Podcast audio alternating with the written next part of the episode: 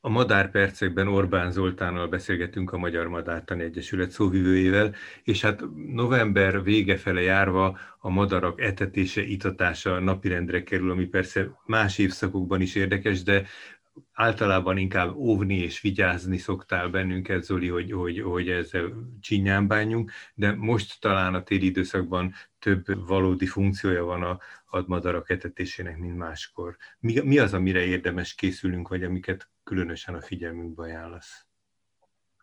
Nyugodtan most már el lehet kezdeni az énekes madarak etetését, és ezt lehet folytatni egészen március végéig ilyenkor ez problémát nem jelent. Igazándiból a legfontosabb, hogy tisztább, amivel tisztában érdemes lennünk, hogy nem azért maradnak életben az énekes madarak, mert eltetjük őket, ez természetesen nekik egy segítség, de szerencsére nem tőlünk függ az életben maradásuk, tehát ez, ez azért azt gondolom, hogy egy nagy könnyebbség, illetve nagyon fontos ezzel azért is tisztában lenni, mert ez nem csökkenti, hanem növeli a felelősségünket. Az az, hogy mi gyönyörködünk a, az etetőre, itatóra járó madarakba, ez ugye azt jelenti, hogy még inkább oda kell figyelni, hogy a mi gyönyörködés, a mi szórakozásunk gyakorlatilag ne okozzon nekik kárt. az Egyébként az énekes madarak, igen, ugye az énekes madarak etetése szerencsére egy nagyon egyszerű műfaj. Én egyébként első helyen az itatót nevezném meg. Aha. Természetesen télen befagy a víz az itatóba, érdemes reggel, de mindenképpen délelőtt kiszedni a jeget, és langyos vízre cserélni, és akkor az itató mellett érdemes elkezdeni így tél elején, ősz végén az etetést. Alapvetően háromféle eleséget lehet nekik kitenni, de ha valaki csak fekete napraforgót tesz ki, akkor gyakorlatilag száz százalékig kiszolgálta a madaraknak az igényét. Az valamennyi, valamennyi madárfajra alkalmas? Tehát, hogy egész kicsi madaraknak is, a nagyobbaknak is? Igen, mert hogy, mert hogy itt jönnek képbe például a sokak által nem kedvelt verebek, mert hogy kifötlik a magot, meg beülnek a mag közepébe. Igen, csak az ilyen maghántoló madarak, első mondjuk a verebek, amikor ö, hántolják a napraforgó magot, akkor nagyon pici magbél törmeléket is képeznek, forgácsokat, és ezeket a nagyon pici magbél forgácsokat tudják összeszedni az olyan kistermeti fajok, akik egyébként nem tudják megpattintani a napraforgó magot, tehát mondjuk vörösbe, gyökörszem, erdei, szürkebegy. A nagyobb termetű fajok, tehát például a fekete rigótól fölfelé pedig egészben nyelik. Tehát akkor a, a verebek akaratlanul is segítik a más madaraknak az életben maradását, vagy etetését. Igen, ez gyakorlatilag azt a közösségnek is lehet hívni. A verebek számára ugye az ökológiában van ennek egy külön neve, ez a kommenzalizmus. Ugye ez gyakorlatilag egy olyan viszonyt feltételez, amikor az egyik madárnak a semleges, a verébnek, de aki pedig élvezi ezt, annak pedig pozitív, tehát ez a, ez a nulla pozitív viszonyt jelenti. Hogyha nagyon akarjuk cizellálni ezt a mag kérdést, akkor érdemes és lehet a napraforgóba apró magot keverni. Tehát például az, az, az állatkereskedésekben élelmiszer és egyéb áruházláncokban lehet kapni például ilyen, ilyen kanári, meg pinty keveréket, tehát abban uh-huh. van köles. Uh-huh. De hogyha ha még ezt sem tudjuk megoldani, minden élelmiszerboltban van mák, nem mhm. darált mák. Abból egy marika beleszórunk, akkor az például a tengelic, az leánykori nevén, a Stiglitz németes nevén, a Stiglitz ugye azt nagyon kedveli, tehát a napraforgó esetleg apró maggal az már tökéletes. Ugye a gyümölcsöt nagyon könnyű kitenni itt eh, lehet gondolni egyrészt a, a legolcsóbb, törődött, kicsit barna, ráncos almára, de emellett különösen lakott területen nagyon jó móka elmenni gyerekekkel, unokákkal is, vagy akár egyedül, szedni bogyós gyümölcsöket, terméseket.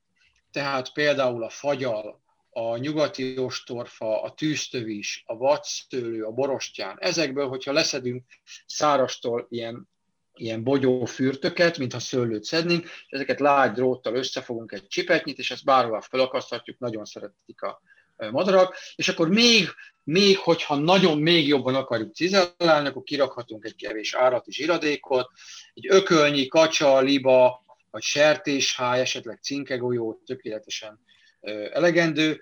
A cinkegolyó azok, a, azok, a, azok a kis gömbök, amik, azok a gömbök, igen, azok a gömbök, de mondom, igen, ahol, igen, csak az a baj a cinkegolyóba, hogy be van csomagolva egy műanyag hálóba, meg akkor az még egy nylon zacskóba, tehát ez nagyon óriási műanyag terhelést jelent, tehát ugye ezt érdemes vagy ilyen nagy kiszerelésben vásárolni uh-huh. háló nélkül, vagy pedig helyettesíteni. Tényleg egy ilyen öklömnyi kacsa vagy liba háj is 400-500 forint és egy, egy, egy, egy telet gondolkodás nélkül általában ezt kiszokott Kiszokott eh, bírni. Ezen kívül semmi más ne adjunk a madaraknak. Gondoljunk arra, hogy mi, a, alapvetően a gyönyörködtetésünk ilyen szempontból a cél, tehát ne okozzunk nekik gondot. A kenyéretetés az kimondottan rossz, nagy mennyiségben. Egy-egy szemet fölcsipegetni, sem, morzsát, az semmi gondot nem jelent. Morzsa az lehetséges. Csak amikor kiraknak neki igen, akkor morzsát, meg veknit, meg, meg szeleteket, meg minden, ugye megszívja magát ebbe a, ebbe a téli párában, eljedni kezd, megpenészedik, megeszi a madár, és akkor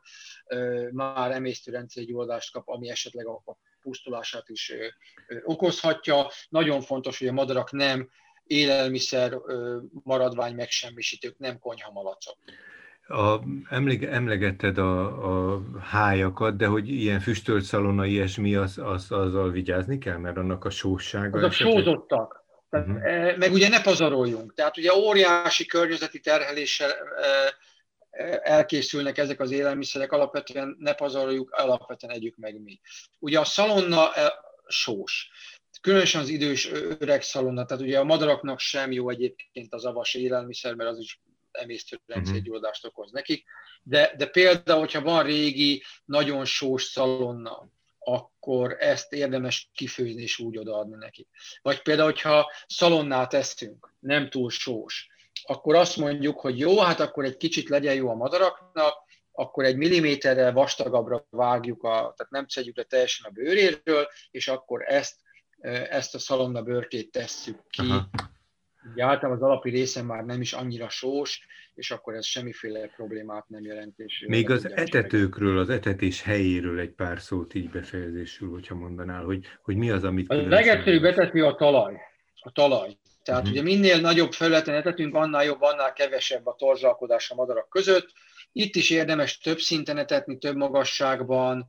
Hogyha nagyon macskás helyen élünk, akkor, akkor én például Budapesten a a kertben, ahol idáig laktam, ott, ott ilyen álmagasságú örönk volt felállítva, annak a tetején etettem.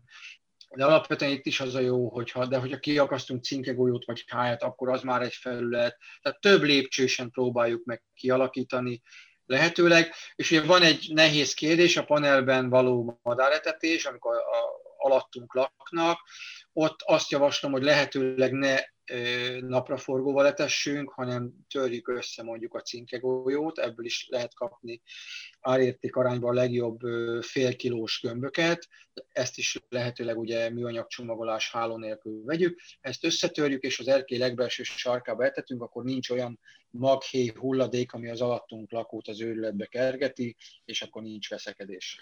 Még egyet utoljára hadd kérdezek, hogy van-e olyan tipikus időszak, vagy olyan tipikus madár, aminek a hangja most erősödik meg, és most találkozhatunk, most hallhatjuk erőteljesebben? Hát a két legjellegzetesebb és talán legszebb az ökörszemnek és a vörösbegynek a hangja, mert hogy mind a két madár a telelő területen is énekel. Uh-huh. Tehát, tehát egy kicsit a téli időben kisüt a nap, akkor fogunk hallani nagyon szép, vékony trillát, egy kicsit hasonlítanak is egymáshoz, akkor az egyik a vörös, vagy a másik az ökörszem, illetve mind a két madárnak van egy nagyon jellegzetes hangja, riasztó jelző hangja, egy ilyen sziszenő, illetve egy recsegő hang. Mind a két madár nagyon korán indul, különösen a vörösbegy, és nagyon későn megy el lefeküdni, különösen a vörösbegy. Tehát ezek a jelzőhangok általában a, a, a reggeli, illetve az esti szürkületkor szoktak felhangozni. De érdemes rákeresni az interneten, és akkor egyből, jé, ezt a hangot hallottam, most már tudom is, hogy melyik madár adja. Köszönöm szépen. A madarak is a környezetünk, akikkel együtt élünk, és nyilván jó lenne, hogyha eznek valamilyen harmóniát jelentene, egymásnak is tudunk segíteni. Kellemesség érzetet keltenek, őket pedig hát valami etetéssel, itatással. Köszönöm szépen. Orbán Zoltán, a Madártan Egyesület szóvivője volt a vendégünk.